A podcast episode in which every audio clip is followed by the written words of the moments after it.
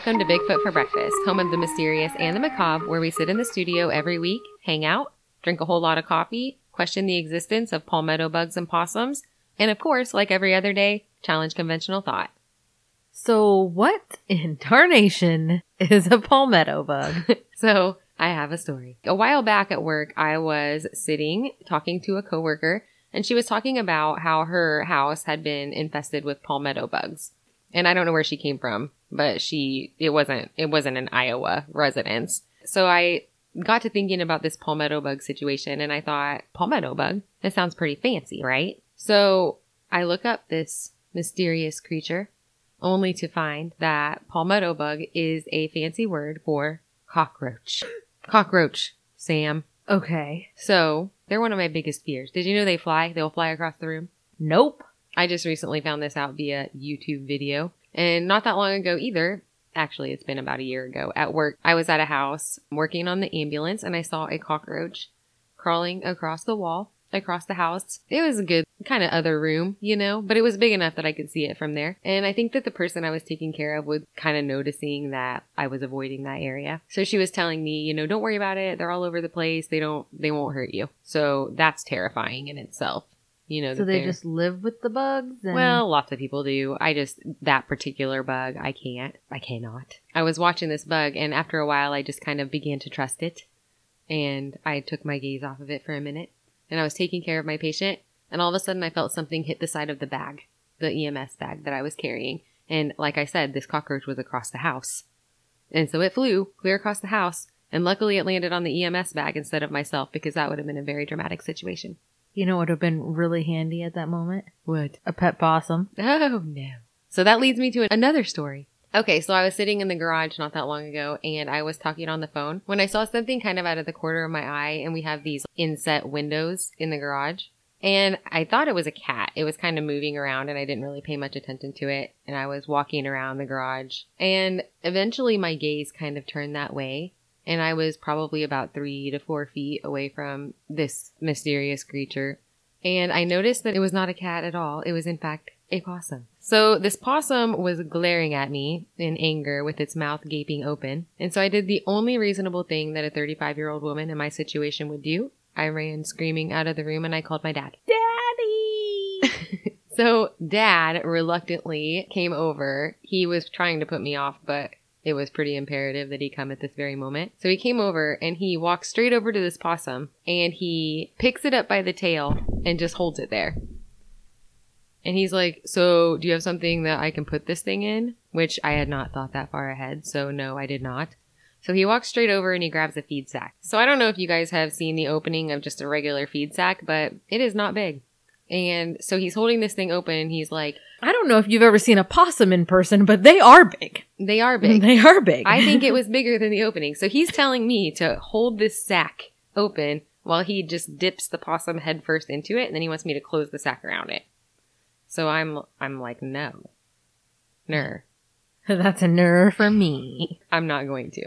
And so then he's getting madder and madder because I'm scared of it. So we had to find something else and eventually we finally got this possum out of my garage. These are- Meanwhile, she's screaming hysterically, non like uncontrollably and nonstop. it's like a innate response. Like just like a continuous scream and he's getting pretty annoyed about it. and so he finally took this possum away and it, it remains alive for all you possum lovers out there. For the record, she responds the same way to bats. Yeah. You want another story time? Story time. No. Should we save this one? So, anywho, let's move on. okay, let's move on. Many possums Let's with go- wings can be saved for another time. You are aware we're in this very room where the bat last attacked. Okay. Anyway, anywho, I wish I had TikTok back then because that would be the ultimate Iowa check. Right? Possums. Possum in your garage? Check. You're from Iowa. Iowa. We've got to at least get into the annoying part where we ask you very firmly, but politely, to please make sure that you push the subscribe button on whichever podcast app that you're listening from and please leave us a rating and a review because this helps us out tremendously and we appreciate the feedback very, very much. Also, the best way to spread the word about a podcast is definitely by word of mouth. So if you know anyone who might enjoy the show, please tell them about us. Anyone and everyone. You can add us on all the major social media platforms Facebook, Instagram, Snapchat, Twitter, TikTok. Do it. Aside from the show, this is where we share information about contests that we're having and where you can win free stuff like t shirts and cups. Who doesn't want a cup? It's super easy to enter these. And who doesn't like free stuff? So right now we're actually having a contest. All you have to do is invite some of your friends to like our Facebook page or leave us a rating and a review and screenshot whatever you do. Leave it as a comment underneath the contest announcement on Facebook and you are in. In it to win it on the wheel of winning. Yeah. I remember when you called it the Wheel of Winning, and now it is continuously named this. So we will spin the lucky wheel of winning via Facebook Live on Leap Day, February 29th, and we'll see who wins the Leap Day loot. Leap Day Loot Llama. We also want to take a few minutes to let you in on some recommendations that we have for some other shows. We know a few that may pique your interest. The Question Everything guys, Semperfi Rob, Sean, and the Mick host a show where they pick a different topic every week that usually seems to coincide with issues that we seem to be facing at the time as American people, and they discuss it. They usually do a Facebook Live every Saturday, and then they'll post the edited version to the podcast platforms a few days later. They also take call-ins from guests who have anything to say regarding the topic that week. So if you can relate in some way or have an opinion, get on their Facebook Live and give them a call and chat them up for a while. MWP is another show that you guys should check out. Chach and Josh are funny and their conversations flow really well. They talk a lot about movies, wrestling, politics, whatever else comes up through the episode with a lot of jokes and a lot of great personality. So check them out. You won't regret it. The Kensington Corner with Tom and Jeff is another great show. They tackle the problems of the world one thing at a time, but they focus a lot on health and overall well-being, both mentally and physically, from a man's standpoint. And we found their show to be really interesting because they aren't afraid to really get into the everyday struggles that guys face, especially with mental health and stress. It's a really honest show, and one of them is a veteran, so they promote various causes associated with the mental health of veterans as well, which we think is incredible because it's a very important topic and our nation's veterans don't get the love and support that they deserve. Any conversation that can be had about how to improve that is fantastic. So now that we've got the business stuff out of the way, we'll get on to the really important stuff. The story at hand. Which Left hand or right hand? which is what we assume that you're here for after all. And today we have something a smidge different for you. It's more of a current event actually. A story that has been unfolding in the recent weeks and has a ton of very odd components. It deals with weirdness, lies, crime, some apparent occult activity, and most importantly, the missing. Which is why we decided to deviate slightly from our usual lineup to talk about this issue a little bit today.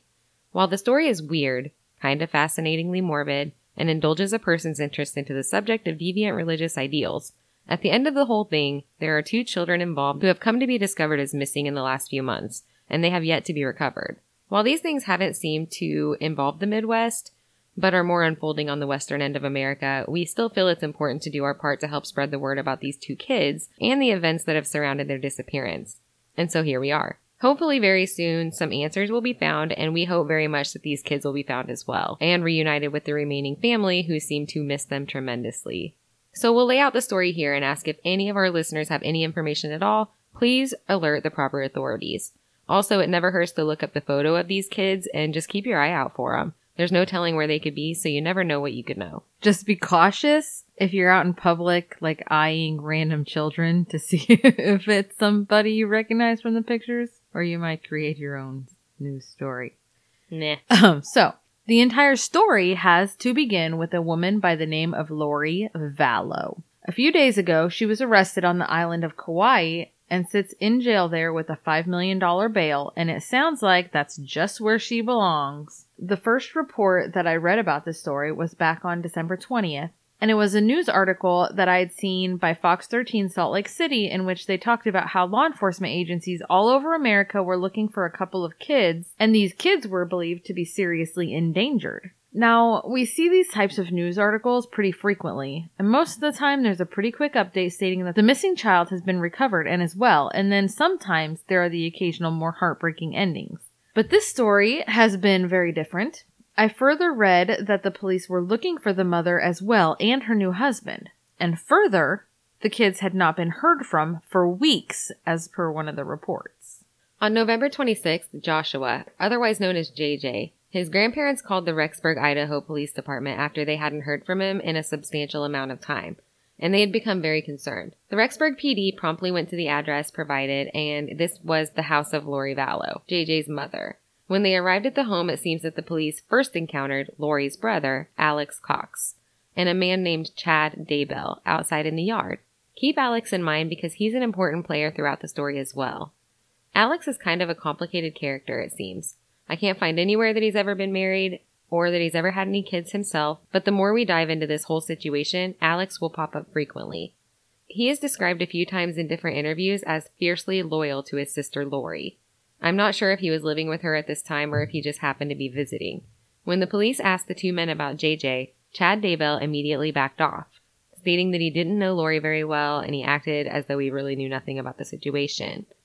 Alex stepped forward this time to answer questions, and he told the police that JJ wasn't around. He had been staying with his grandparents out of state.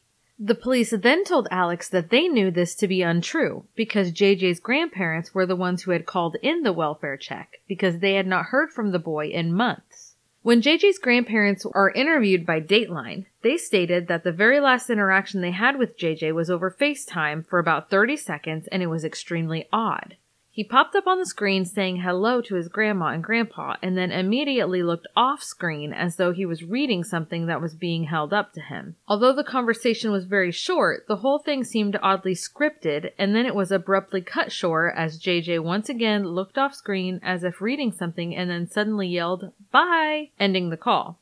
And then nothing at all again. Every time they called back to talk to him, Lori made some excuse as to why he couldn't come to the phone or he wasn't there at the time. When the police told Alex that they knew JJ wasn't with his grandparents, Lori casually came around the corner and said that Alex was wrong.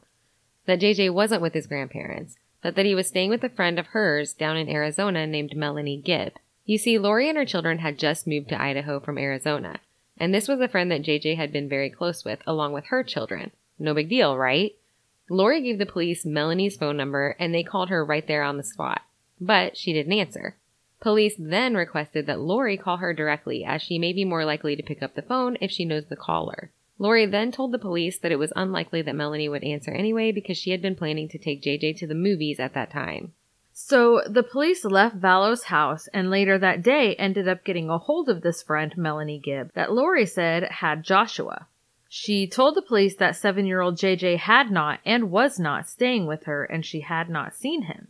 I think I would have pushed the issue. I don't care if you don't think she's going to answer the phone.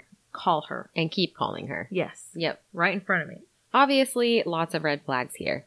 A welfare check was called by the grandparents of this boy, so that's cause for concern in the first place. And then the mom lies about her son's whereabouts. There's nothing good at the end of that tunnel.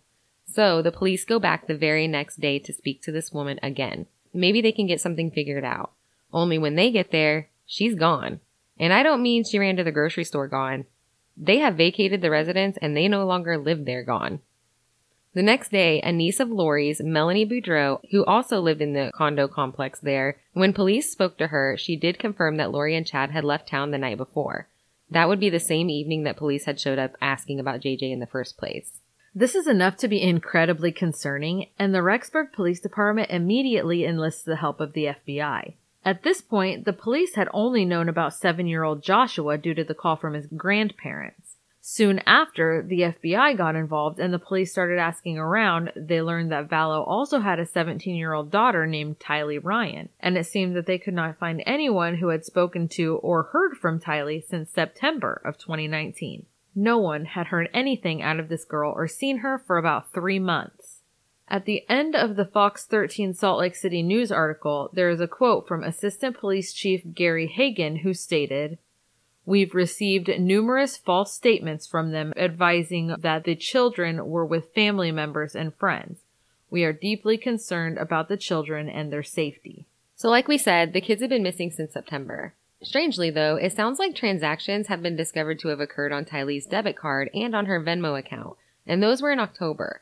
So those are also being checked out by the FBI. But in order to tell the story more effectively, we've decided to take it back a bit to the beginning of this family story.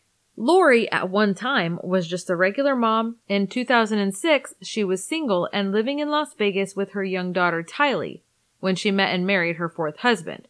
This new husband was a pretty successful guy who, by all accounts that I could find, was really good to Lori and Tylee. His name was Charles Vallow. Lori had Tylee and Charles had two boys. The family meshed together well. They seemed happy and Charles was able to provide plenty for the family once they moved to Arizona with Charles. They were a religious family belonging to the Church of the Latter-day Saints and their whole world revolved around the church and their family. Friends thought that they had a good, respectful relationship, and Lori was one of those moms who seemed like she had it all together. She was always pretty and made up, a good friend, sweet, organized, running around, taking care of the kids and taking them back and forth to activities. She sounds like your typical soccer mom, really. In a Dateline interview, one of her friends said, Lori was the mom I always wanted to be. Adventures, going and doing fun things, always cheerful and upbeat. So, do we know anything about the first three husbands? No, Or the first two? I didn't Okay. find anything, but I guess I didn't dive into that either. Okay. So, in 2012, Lori and Charles adopted a baby boy named Joshua, or JJ, whose grandparents, Kay and Larry Woodcock, stayed in the picture and kept regular contact with him throughout his life. JJ's grandmother, Kay, was actually Charles's sister. JJ had some special needs, but blended into the family very well and was welcomed by his new sister Tylee with open arms. JJ's grandparents were elated to see a family like this adopt JJ. They had already known Lori and Charles, being already family, and thought that JJ would thrive with them in a more typical family setting as Kay and Larry were older and running a business that took up much of their time. They seemed grateful to the Vallows for being so good to JJ and allowing him to stay very much in his life. So was it uh, was the mother young or I'm- I'm not sure why. All it said that I could find was that his JJ's parents were unable to care for him. okay? JJ's grandparents were saddened to hear that pretty soon Lori and Charles had decided that it was time for a change, and this change called for a big move to a place they had always dreamed of living Hawaii. They made the move and ended up on the island of Kauai. Throughout this move and JJ living in Hawaii, his grandparents continued their regular contact with him via FaceTime, and everything seemed well. JJ was happy, the family was happy, and JJ was thriving, just like they imagined he would. Charles and Lori got a service dog for JJ. Her name was Bailey and they were very close. JJ was autistic and had trouble with behaviors, anxiety, and sleeping. It was said that Bailey helped him tremendously with his anxiety and he was hardly able to sleep through the night without her. The dog and boy were totally inseparable. Lori and Charles only stayed in Hawaii for two years before returning back to Arizona so that Charles could better run his business. So, we said earlier that the couple was pretty church oriented. We're not really sure how religious Charles Vallow was prior to their marriage, but we do know that Lori was very, very involved in the Church of Latter day Saints, and their union required Charles to convert. It sounds like he did this no problem and integrated nicely into the church family with Lori. But after a number of years, Lori's religious beliefs were starting to become very extreme and her behavior slowly started to take a turn for the fanatical. Apparently, Lori had met some people online and she had gotten involved in a podcast group, eventually becoming part of the podcast itself. There was one man who was a frequent guest with these podcasters, and his name was Chad Daybell. He was teaching kind of an extreme, deviant offset of the teachings of the Church of Latter day Saints. Lori was eating it up and becoming obsessed. She had started talking to her husband, Charles, about being a god and one of the 144,000 people who would be saved in the end of times, and that she was one of the special ones who were sent here first in order to gather the others. She was telling him that on July 22nd of 2020, the second coming of Christ would be happening. Hold on, I'm going to put that in my calendar. Yeah. So she had become affiliated with a group seemingly through the internet and through this podcast. She called herself a translated being who can't taste death. And she said that she was sent by God to lead these people into the millennium. She allegedly told Charles that she is sealed or eternally married to the prophet of the ancient Book of Mormon, Moroni, and that she has lived numerous lives on numerous planets prior to the one that she is living now. This new religious group that she was a part of seemed to center all of their beliefs around this. She began making threats against her husband, stating that she would murder Charles. She also stated that angels would then come and take his body away. According to court documents from ABC News, she also stated that she didn't want anything to do with her family due to the important mission that she had to carry out. In February of 2019, Lori ended up going back to Hawaii and stayed with a friend there that she had met and become very close with the first time that she and Charles had lived there with the kids. At this time, Charles filed papers to divorce Lori. The friend that Lori was staying with was also interviewed by Dateline. In this interview, the friend stated that Lori showed up here without JJ, only Tylee was with her, and Tylee was unnaturally quiet and was very defensive of her mother. Lori's friend made statements that she came back to Hawaii very different. She was erratic and disorganized, saying the same things to her that she had to Charles before leaving Arizona. She told her friend that she and Charles were getting a divorce because Charles had been having an affair and that he had been really mean to her. Her friend stated that she didn't really think that the things was adding up at all. She had known Charles also, and none of this sounded like him. Later on, in the weeks of the visit, Lori changed this story and told her friend that she was part of the 144,000 people who were to be saved in the second coming of Christ, and that she, along with a few others, had been sent to gather these people. Lori told her friend that she was also one of the 144,000, and that's why Lori had come to Hawaii to gather her. The friend politely declined Lori's offer. I'm afraid I do not want to be gathered. Thank you. Please return my stapler. That's another nerve. I'm guessing that JJ must have stayed with Charles during this time that Lori was in Hawaii because not only did Lori's friends say that JJ was not with her, but in March of 2019, it seems that Charles had pulled JJ out of his school in Gilbert, Arizona, and told them that JJ was going to go stay with family in Texas because Lori had, quote, lost it. In his defense, it does sound like he was having a pretty rough time with her. Apparently, prior to his filing for divorce, while he was on one of his business trips, she called the airport and canceled his return flight home, and then went to the airport and took his truck. When he got home, all of his clothes and all of JJ's clothes were gone, and she had taken right around 35000 out of his business account. I tell you what, that is harsh. To cancel someone's flight home. if that doesn't say it all, I don't know what does. During the divorce proceedings, it is stated by Charles Vallow's attorney, Stephen Ellsworth, that Charles was expressing genuine fear for his life, and under our advice, he obtained an order of protection against Lori Vallow. Probably a good idea. This quote comes from a statement that was sent to ABC News from Stephen Ellsworth. Ellsworth continued as stating that Charles' quote, main concern was ensuring that JJ was safe, cared for, and that JJ's routine was consistent due to his special needs. He wanted the same for Tylee, but because she was not his biological daughter, she was not involved in the court proceedings. In June of 2019, JJ was back in school and Lori was the one who came in to enroll him. She told the school simply that the family was back in Arizona. A couple of months later, in July of 2019, the police got a phone call from Lori's brother, Alex Cox. We will play an excerpt from the 911 call here, and the call is actually several minutes longer, but we have cut the parts in which Alex is administering CPR for long stretches of time. Notice how calm and collected Alex seems to be here, almost cold. You need Yeah. police or paramedics? Um, both. I'm in police and an ambulance. What's the emergency there? I got in a fight with my brother-in-law and I shot him in self-defense. Okay, let me get the medics on the phone. And is he hurt or is he alive or Yeah, there's blood. He's he's not moving. how long ago did this happen? Uh, a couple of minutes. Fire department. Um, I I shot my brother-in-law Okay, what part of his body is injured? in the chest, Okay, is he awake and responsive or unconscious? unconscious. Okay, is he breathing? I can't tell. Okay, are you wanting? Are you willing to go over to him and check? Sure. Okay, do you just let me know if you see his chest going up and down? How old is he? It's not moving. He's 60. Okay, and are you wanting to start CPR? No, I don't know how to do that. I can walk you through it. Okay. And what I want you to do is you're going to put one hand in the center of his chest. The Yeah. other hand's going to go right on top of it. Two, three, four, five, six, seven, eight, nine, ten. Making sure his chest goes up between each compression. Where's the Okay. gun now? Uh, it's in the other room. PD, we're going to stage for you. Okay, thank you. And, just keep going with those compressions. PD, did you have any other questions? yes, what's your name, sir? My name is Alex.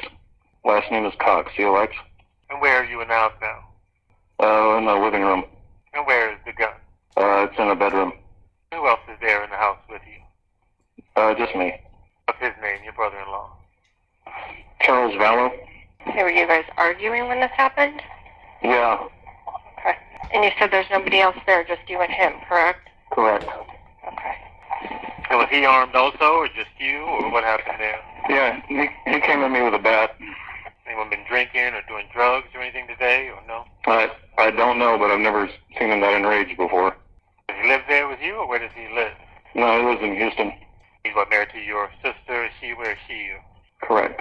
Uh, I don't know. I think she's uh taking her son to school. Questions? You still doing that? Is he anything? Any response from him? Uh, you know? He's not responding at all. Some officers should be there. Let me know when they get inside to you. Is the front door open? Yeah. Can you come out, walk outside with your hands empty? Sure. empty? Are you able to do that with your hands up and empty? Yeah.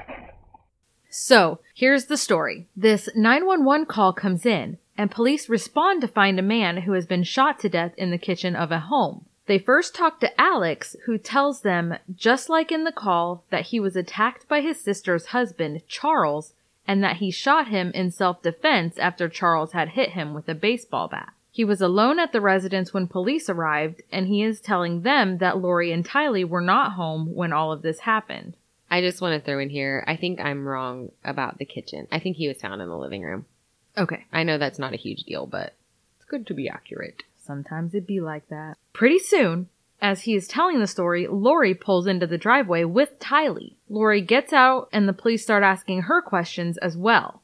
She's stating to the cops that she and Tylee were there, but that she had went ahead and taken JJ to school after the incident so that he wouldn't have to be here for all of this. Obviously, the police want to know exactly what happened here. So Lori tells them that Charles had shown up at the house that morning wanting to take JJ to school, which was fine with her. He took JJ out to his bright green Jeep. One source said that it was bright green, and then I did find another source that said it was gray. So do what you must with that. What Charles drives is important later, so keep this in mind. When he gets JJ in the vehicle, he realized that he had accidentally left his phone in the house. He goes back into the house to get his phone and finds Lori snooping in it, as she says. Charles becomes enraged. He's yelling and screaming at Lori, making threats to her when Lori's brother Alex steps in. Charles then turns his anger to Alex, grabbing a baseball bat. Alex tells the police that Charles hit him with the bat on the head. So at that point, Alex goes into his bedroom to retrieve his handgun. He walks back out of the bedroom and immediately shoots Charles in the chest before he could hurt anyone else. And then Lori went ahead and took JJ to school while Alex made the 911 call. So we have to address a couple of weird things about this story and about this situation. Mostly these are just speculation, but should be pointed out at the very least. So first, Alex did have a bump on the back of his head. It should be pointed out that Charles was a very physically fit guy. The bump on Alex's head indicated a small bump, definitely not the kind of wound that one would typically see on someone who had just gotten whacked hard enough with a baseball bat by a really big, strong guy, hard enough that they would think that their life was in danger. Second, why did Alex initially tell the police that Lori and Tylee weren't home when all of this happened? I know that that really didn't turn out to be a huge lie, but the fact that he felt compelled to lie right away to the police makes a person think that he has something to hide in this situation. He was going a different direction with the story, obviously. If the whole thing played out the way that he said, and it truly was self defense, he would have had no trouble just telling the story as it was. A lot of people might say that he was just trying to leave Lori out of it, but I guess I'm of the mindset that if someone lies about something small in a story, there's probably more intention to lie about the bigger things in the story as well. Third, when Lori got back home after dropping JJ off at school, and after Tylee witnessed the horrific event along with her, she was unusually happy-go-lucky about the whole thing. She was smiling, upbeat, and talked about the whole thing as if it was some silly practical joke that was played instead of the death of her former husband. The police asked Lori how long they had lived in the neighborhood, and she said, We've lived here for three weeks, and then laughingly followed that up with, Oops, sorry neighbors. The police who spoke on the issue, who had been there, all described a kind of awkwardness associated with dealing with Lori and Alex after the death of Charles. They seemed not only uncaring, but happy, joyous. Police body cam footage has been released to the public from this incident, and this is exactly what it shows. From the beginning of the footage, she's totally nonchalant about the morning's occurrences. One of the detectives stated that he was giving them a ride home after being questioned at the police station. He says, quote, Lori was kind of like a happy-go-lucky. She was just smiling. She was talking about Tylee was going to BYU, Idaho, and it was just a very, very nonchalant conversation.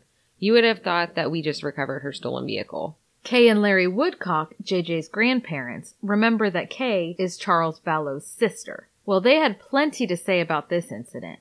An interview on CBS Channel 5 Arizona shows them stating that Charles was ambushed from the start, no doubt, and that it will all come out. Kay stated, She was so spoiled it was ridiculous. He spoiled her and she became a monster. Just a monster. This is the point at which JJ's grandparents kind of stopped hearing from him. In one interview with a local news station, they had stated that they had only heard from JJ or were able to get a hold of him over the next month three times, which was very few per their usual. With the last interaction being that seemingly scripted one that we mentioned earlier in the episode. Later that night, the same day that Charles was shot, Lori threw a pool party.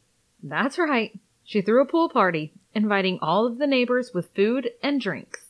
Neighbor accounts are that Lori was in a great mood, like nothing had happened, and she was happy to meet everyone. Hmm, I don't think there's really much to be said for that. But that isn't all, folks. Just when you think that Lori Vallow can't be any more uncaring when it comes to Charles' death, remember that Charles had two boys from a previous marriage. Two boys that he was close to, and he was very much involved in their lives. In order to let them know of their father's passing, Lori sent the older of the two boys a text message. Not a phone call, not an in person notification, she didn't call their mother to let her know first that this news was coming and give her the opportunity to tell the tender age boys that their father had died. She texted the older boy and simply said, quote, Your father died, but don't worry, I still love you. End quote. She followed her statement with a heart emoji. Obviously, these young boys' hearts were shattered to hear this, and their mother had plenty to say about the way this news was delivered to them about their father, emotionally describing the message as brutal. We here at Bigfoot for Breakfast have to agree. It's horrible. Very horrible. Who does that? Mm, Even a phone call is almost too impersonal for something I- like that. totally agree. We aren't really sure how relevant this is, but there's another piece of information that we feel should be included in the story. Remember, Tylee Ryan was not Charles' daughter. So we found ourselves wondering about where her father was in this picture.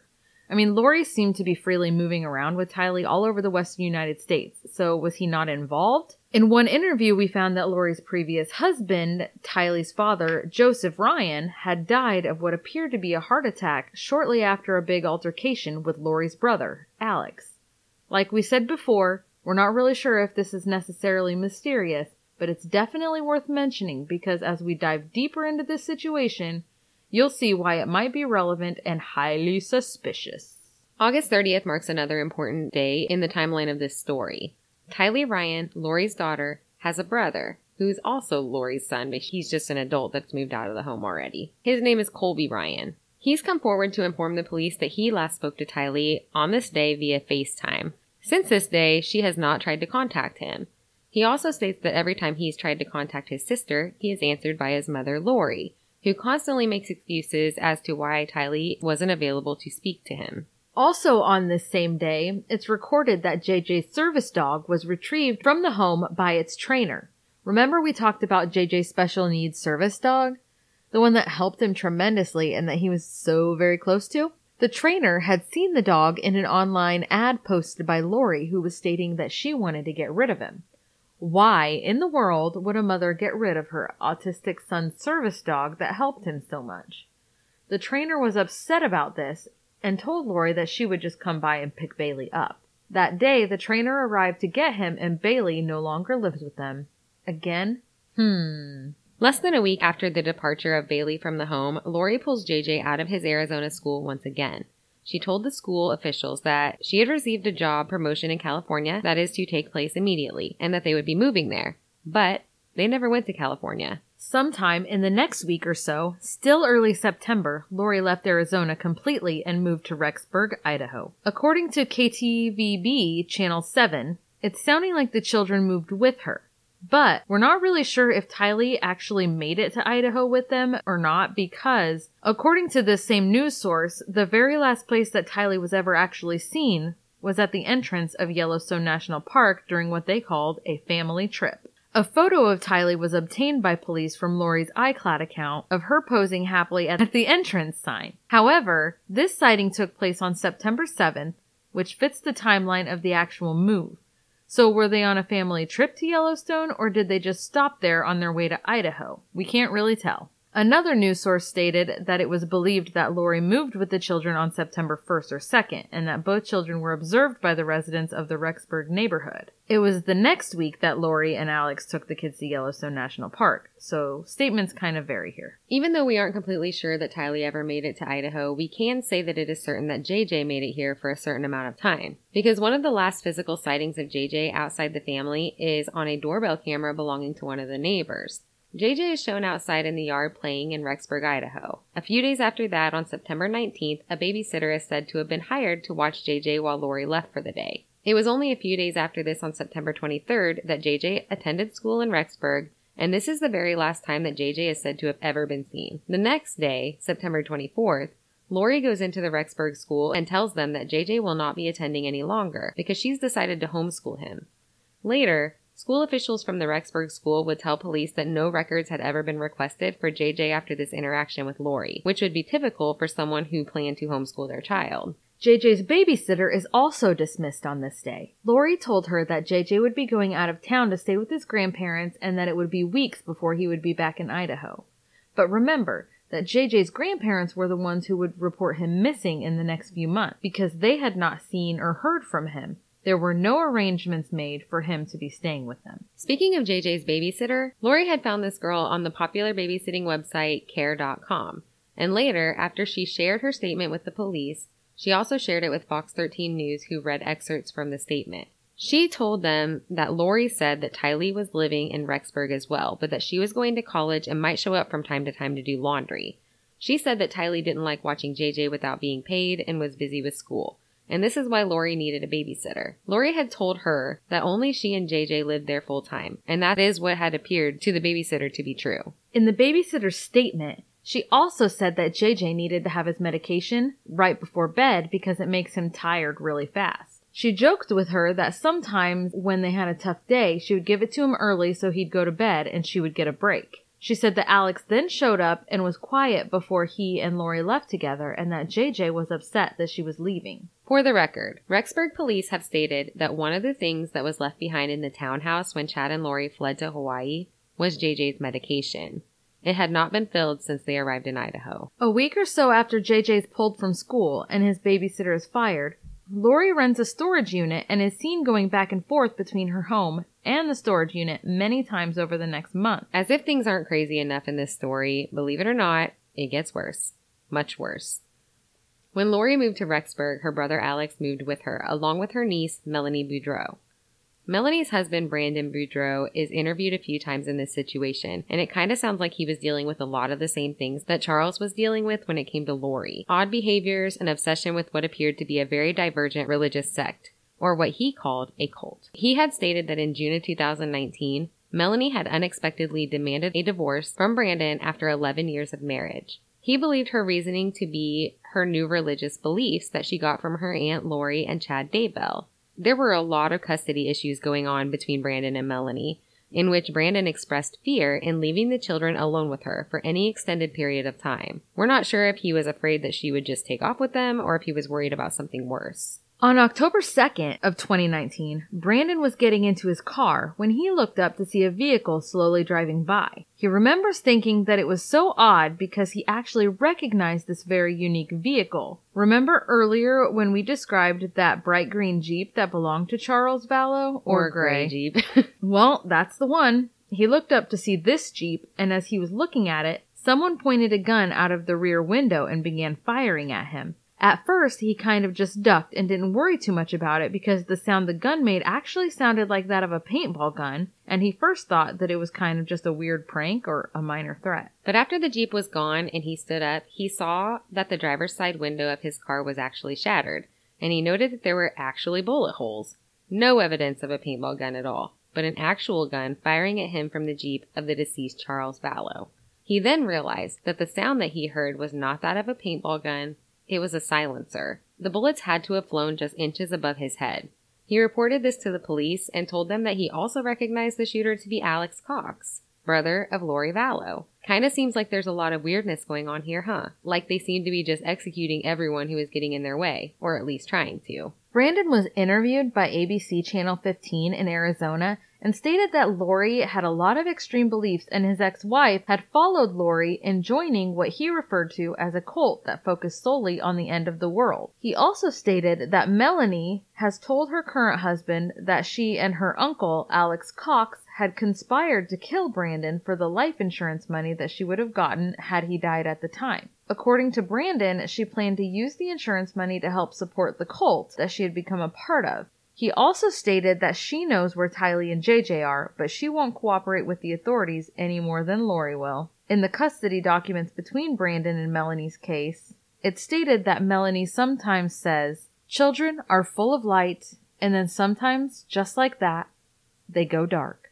Whatever that means, it sounds horrible and ominous. In the same court documents, Brandon states that Lori and Melanie are a part of a cult where people, adults and children alike, are killed off like flies. This shooting is still under investigation as she completely denies all of this and no charges have been brought against her thus far. But it doesn't even end there. A little over two weeks after the drive-by shooting attempt at Brandon Boudreaux, a woman passes away in Idaho, who would turn out to be connected to this never-ending mystery. Her name is Tammy Daybell. Tammy is a seemingly healthy, active, young 46 year old librarian who was very well liked in her community. Her death came as a huge surprise. Tammy went to bed one night with a really bad cough, according to her husband, and inexplicably passed away while sleeping. Her husband was Chad Daybell, and according to police statements, Chad acted completely appropriate in relation to the unexpected death of his young wife. He seemed like a very distraught, newly widowed man. Tammy is examined by the county coroner, and her cause of death was initially listed as natural causes, and she was sadly buried by her grieving family. Her obituary describes a life in which she married her college sweetheart and shared his beliefs. She worked while Chad finished school and then became a full time mom. She was loving and encouraging to her children and helped Chad found and run the Spring Creek Book Company acting as the CFO and designing book covers for him. She later became the librarian at Central Elementary School in Sugar City, Idaho, and was loved by all who knew her. Tammy was very involved in the Church of Jesus Christ of Latter day Saints and was a mother to five children. Another strange fact in the Tammy Daybell situation about 10 days prior to her death, she made a report to her local police department, stating that she was getting groceries out of her car when she suddenly noticed a man standing at the end of her driveway wearing a ski mask. He points a gun at her, which she took to be a paintball gun, and he pulled the trigger a few times, but it doesn't fire. She asked him what he was doing, and then she yelled for Chad. The man didn't speak, but ran away when she called for her husband. It was taken as a prank at the time. The man was never found. I have to say, though, if someone showed up in my driveway, Why would you automatically always assume? Why do they keep assuming it's paintball guns? I do not know. I would assume real gun first and hope for a paintball gun. I mean, I'm not judging.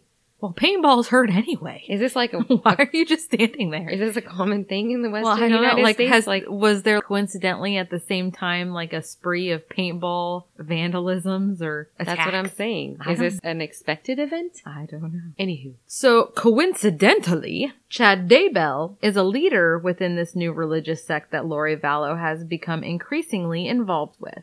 He is a speaker and podcast guest that is using different platforms to preach to the members of this organization, and also the author of many doomsday novels about his teachings.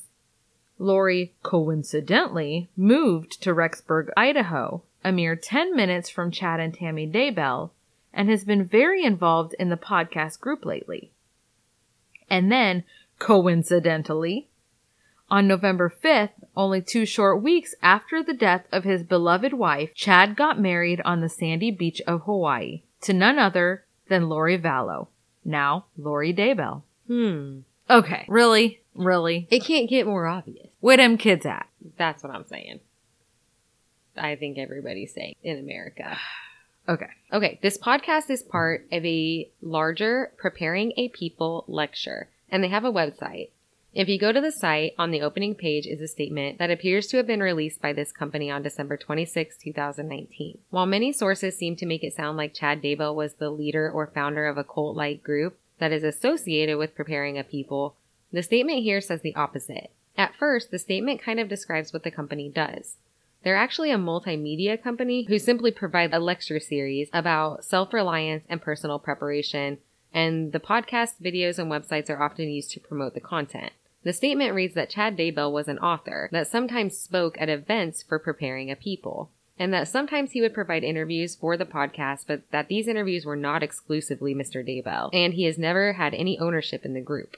Okay, so after going to the website, it kind of seems like the term cult is thrown around pretty loosely. And since he used their platform to perpetuate his own agenda, it seems like he automatically became associated with them.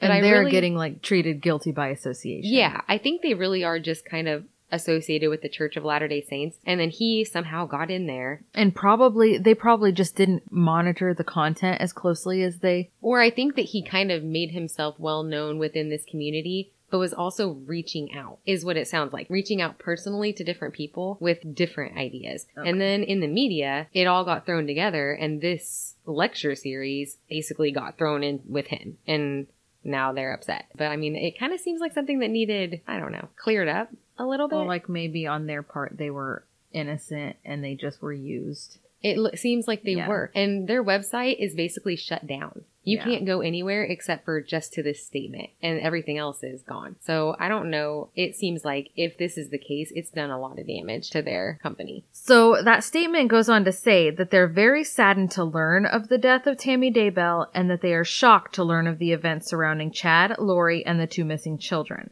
They are also shocked by the lack of journalistic integrity that they have seen in reporting news sources who are calling them a cult. They deny any ability to even join, deny that they're even a group. It is simply a lecture series that is educational. They deny sharing in any beliefs with Chad and Lori that do not hold to the Christian principles of honest integrity and truth, or if they do not align with the doctrines of the Church of Latter day Saints. So this makes me think a little bit. As we said before, Chad was an author. He had been an author since long before the Preparing a People events started taking place. He wrote about doomsday and prepping and the end of times frequently back then.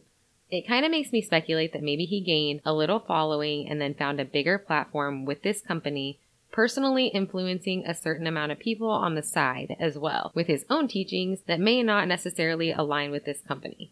I'm sure that this company might have been used, like we said before, and while Chad Daybell and Lori Vallow's beliefs may have been somewhat cult like, I'm not sure that their beliefs really aligned with this company whose platform they may have been using to perpetuate their own agenda. If this is the case, which it seems to be, I would be upset too. I found out that apparently there was a statement previous to this one on the website. I was unable to find at the time of our research, and it was said to have stated that Nancy and Michael James And these are the people who own that company. had considered Chad Daybell a good friend, but have since learned of things that they had no idea about. Chad had been a speaker at events and on various podcast episodes that they have taken down as they feel it is inappropriate to keep them up. They don't want to promote any media content that features them at all. They also stated that Lori was a part of their Time to Warrior Up podcast with Jason Mow and Melanie Gibb and co-hosted another show called Feel the Fire with Melanie Gibb, and they didn't know Lori as well as they thought that they knew Chad. Remember that Melanie Gibb was the friend from Arizona who Lori tried to convince to lie to the police about having JJ. Rich Robertson, a private investigator who had been looking into Chad Daybell after the death of Charles, stated the following about Lori and Chad. Even though he was up in Idaho and she was down here, there seemed to be a very close, almost intimate relationship between the two. If you read some of the things that have been written by them, what he referred to as a cult, about their activities, this is the extreme end of any religious beliefs. And the charismatic figure that seems to be tying them all together is Chad Daybell. Three weeks after the happy union of Chad and Lori, after they had been settled back in Rexburg, Idaho, the call came in from JJ's grandparents and the welfare check was executed by police. Remember that the couple had told the police that JJ was staying in Arizona, but that turned out to be false, and then police returned to the townhouse with a warrant, only to find that Chad and Lori had left Rexburg completely, and by the look of the house, they intended to leave for good. Not only has it been a few months since literally anyone has seen these two children, JJ and Tylee, upon further investigation by the police, it is found that the two kids do not appear to have flown to Hawaii with Chad and Lori either. Only two adult plane tickets were purchased, so they had gone there alone. Where are these kids? The police follow up on leads that they got from neighbors and executed a few search warrants of specific houses there, finding nothing. Neighbors in Rexburg told them that they had last seen Chad and Lori packing things up and out of the house later the same night that the police had come by asking about the kids. Wouldn't you think that since the neighbors knew that the police had been there and then suddenly they see them fleeing, wouldn't you call? I don't even know because you know how people are most of the time, especially in neighborhoods like that. It was kind of a more affluent. I don't know. People are nosy as shit. It really goes either way. Either they are or they're going to mind their own business. And they didn't really know them. They had Yeah. barely lived there. I- so which I guess would make me more suspicious. If I saw the police at my neighbor's house and then later that night see them packing up to leave town, I'd be like, uh, 911? it's not like the police swarmed their house. It was one police car He was just standing in the yard talking to them. And then he left. There was I no don't. I don't think I would think it was suspicious. I would assume they were just talking to the cops about who knows, they could have been reporting something. I, I guess at that time I wouldn't have seen it as that suspicious. But you have been a cop, so you know. I'm just paranoid. You think everybody's cray. See something, say something. Highly suspicious. I talk to the cops all the time. Dad doesn't count.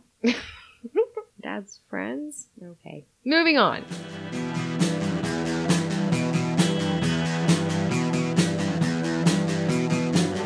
You're listening to the Prescribed Films Podcast Network, home to hundreds of hours of free podcast entertainment. The shows on this network all have a common goal providing you with the best discussions about movies and other forms of entertainment media. The PFPN hopes to fill your earholes with audio joy. Visit our website with links to all the other amazing shows at www.thepfpn.com. Thanks for listening.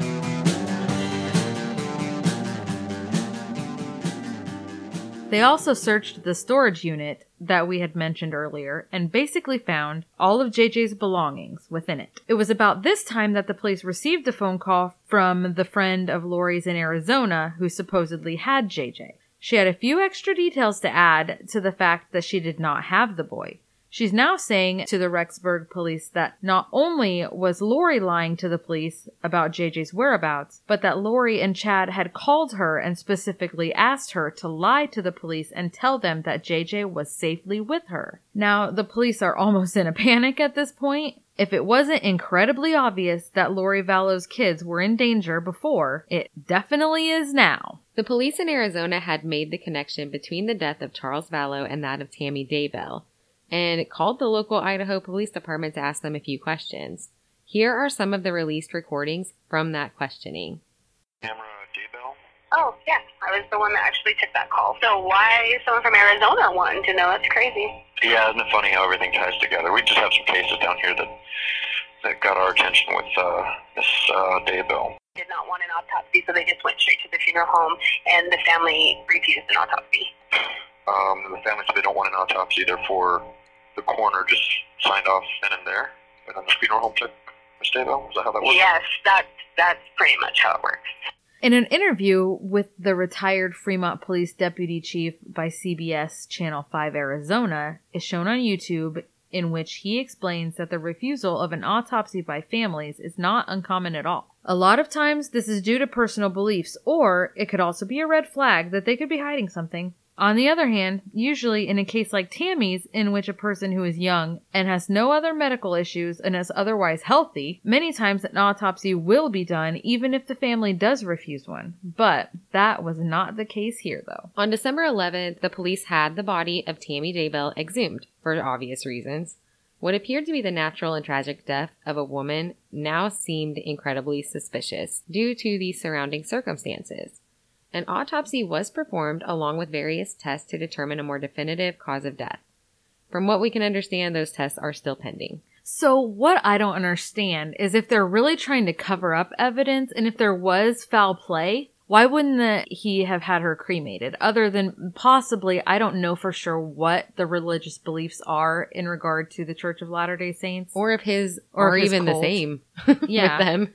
So I guess I don't know, but you would think that that's what you would. But at the same time, he had five children, and if she had never expressed the desire to be cremated, I mean, it might end up looking more suspicious, him wanting to do that, you know, and having to argue with them about it rather than just. But man, I feel like they're getting really brave. Yeah. This is a lot. They're of- either really confident or really effing stupid. I think they honestly think that they are on a mission and that God is just God gonna, will protect them gonna on take their care mission. of it. Yeah. He's just gonna take care of It things. kind of sounds that way. That's kind of where I was I was going to go earlier with this whole was it July 22nd of Yeah. 2020. Lori's being so silent about where these kids are. It almost makes me think that in her head, if she thinks that she can just hold out until that day, Then she won't have to worry about it. yeah, Everything Everybody will be gone. Yeah, exactly. And just period. But she can't complete her mission from jail, so you know But if they don't have any bodies, there's no murder. But at the same time, they did say that the abandonment charge is a federal offense and it carries up to 14 years. We'll talk about that anyway. Yeah, we'll get to that. 911, where is your emergency? Hi, I need an ambulance. Why do you need an ambulance? Um, I have a uh, older male, a middle-aged male. Breathing? He's, uh, yes, he's be- breathing, but very, very uh, high, highly breathing. Okay, let me let me transfer you the mesa, d- or the medics. Do not hang up. Okay. I- Is this due to a Fire medical caller, are you on the line? Hello, is Hello? anyone there? Yes, this is it. I'm here. O- Okay, what is the emergency? Um, I have uh, older male here named Alex. He just passed out here on the on my on my bathroom. Okay, is he awake Are right now? I think he's passed out. Okay, you think he's unconscious? Yes, Okay. Is he breathing normally, like you can see his chest rising and falling? I hope so. I have the paramedics on the way, but I need you to try to help me with some information while they're driving there to help him. Okay? Okay. How old is he? Uh, he seems to be in his 40s. Okay. Do you know him? No, it's my mother's boyfriend. Okay. And how old are you? I'm 25. Okay. I have the paramedics on the way, so he's in the restroom right now. Gilbert, can we get you started? I'm already in route. All right, thank you. Okay, is he on his back or on his stomach? Where is he at? He's on his side. Okay. Can you lay him flat on his back on the ground? Um, I'll try. It's just there's feces there, and I'm trying to just keep cool right now. Okay. I know that's gross, but if we can just go ahead and get him flat on his back, I want to make sure he's breathing because if he's not, we're going to do a few things. Alex. Alex. Alex, we gotta get you on your back. Alex, Does he seem more awake or more asleep? he's more passed out. Okay, is he opening his eyes or moving at all? He's breathing. Okay, is he breathing normally, like his chest is rising and falling? He's not making any weird sounds? Yeah, he's uh, making a very exhale sound like. Okay, if he's doing that, we need to start CPR, so I need you to get him flat on his back on the ground. Okay. I'll do that. Let me know when he's flat on his back, and we're going to give you instructions, okay? Okay. Uh, okay. I don't think I could do that, man. I know this is difficult, but you're only helping him, okay? I know, the I, I, I don't think anxiety or depression. Anxiety and depression, I can't. the best thing for us to do for him right now is to I know it's not ideal, but you're doing a really good job by helping him if you can do that, okay? Yo, Alex. Alex. He's not. He's not breathing. No, he's too big. My, Compression. my mother just got here. Okay, give her the phone then.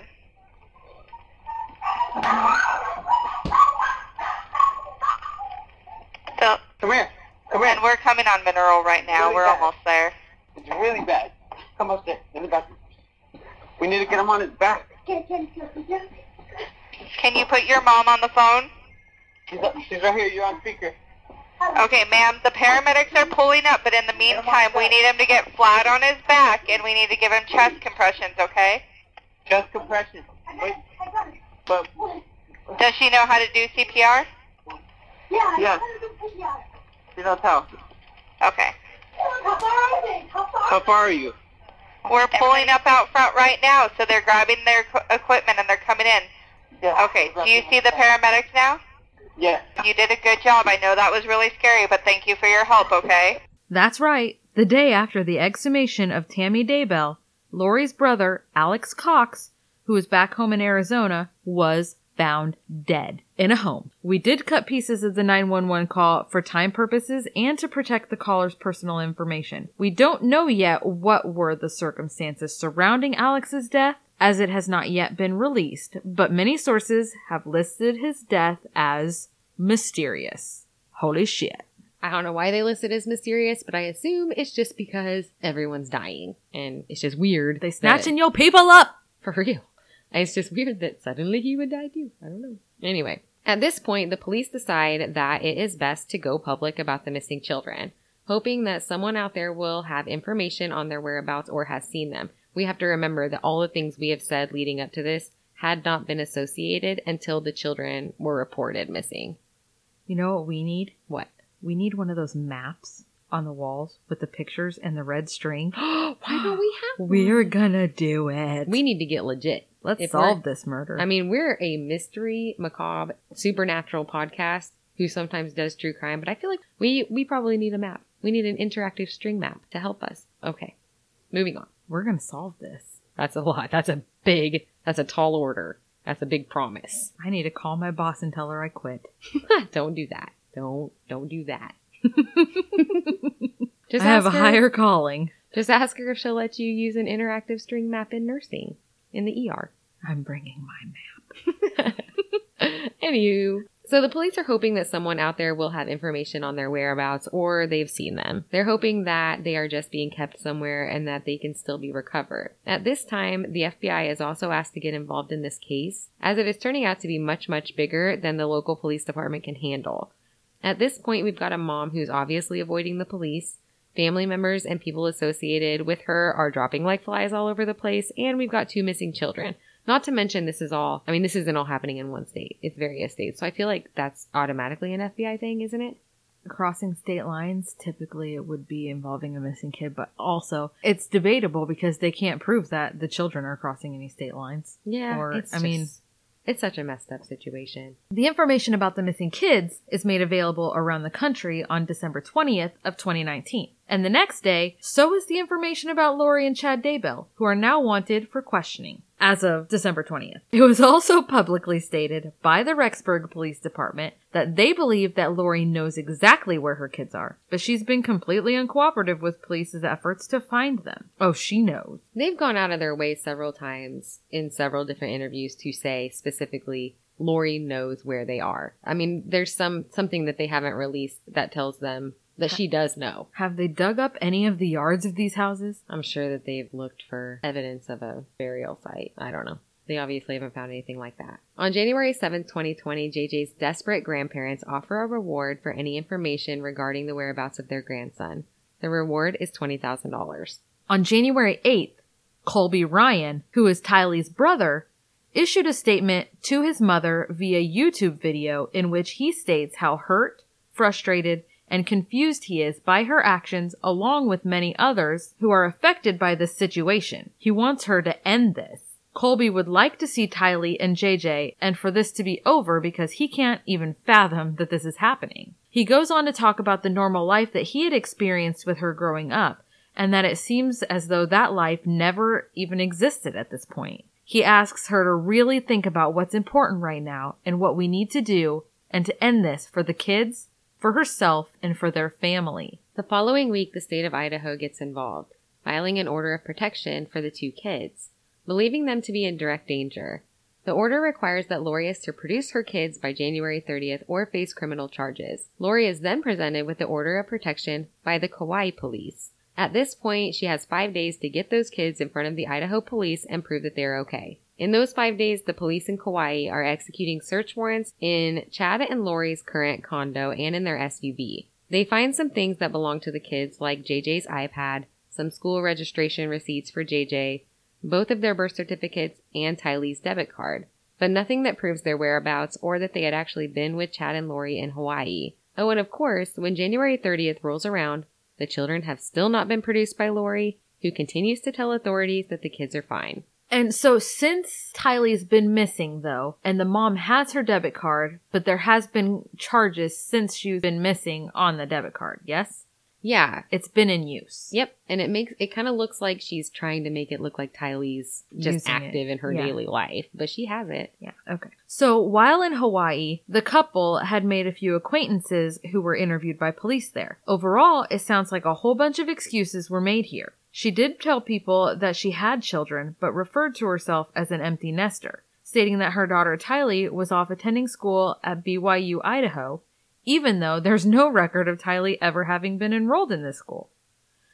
Chad Daybell was speaking once to his former sister in law, and when she asked about Lori, he told her that she didn't have any kids at all. There was another interview with someone who had met them in Hawaii who said that she talked to Lori asking about if she had any kids and that Lori had actually told her that she did have a daughter named Tylee, but that she had died in 2017. So that's odd too. Finally, this past week on February 20th, Lori Vallow was arrested without incident by detectives of the Kauai Police Department for warrants charging her with desertion and non support of dependent children.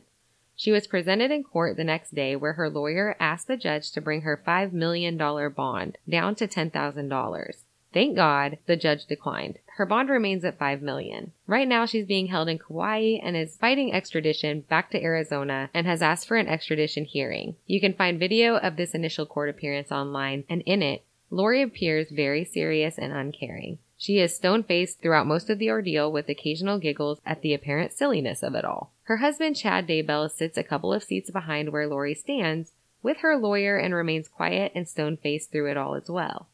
Lori's extradition hearing is scheduled for March 2nd at 9 o'clock a.m. I have to say though, even though the judge kept the bail set at $5 million, even that still seems concerning. If you think about it, she only has to come up with 10% of that in order to bond out, and that's $50,000. Lori and Chad don't seem to be hurting for money, and it is known that Chad just received a $430,000 payout from his wife's life insurance after she passed. She's obviously a flight risk, as she's never seemed to want to stay around to be questioned by police in the past, and she has no problem completely ignoring orders from the court system. So I'll be anxious to see whether or not she sticks around for her extradition hearing or not. I bet she I bet she bails. You think the organization that they're like getting all this insurance money to support is gonna contribute to her bail? You know, okay, this is my theory on what is going on with this quote unquote cult. I'm not sure that there really is like an actual big giant cult. I really think that it's Chad Daybell who talked a few people into believing the crap that he said. And I think it's basically Lori, Melanie, her daughter, her niece, Yeah. And like a few friends. I don't even think it's as Like big not as a they big say. deal. But they I mean they're accum- they're trying to accumulate Yeah. all this money. Where's it going? They're they gathering with- followers, but really the only person who's even gotten any insurance money so far I that we know of is Chad, Yeah. right? They failed to kill Brandon, but what about Charles? I don't I don't think she got his insurance payout.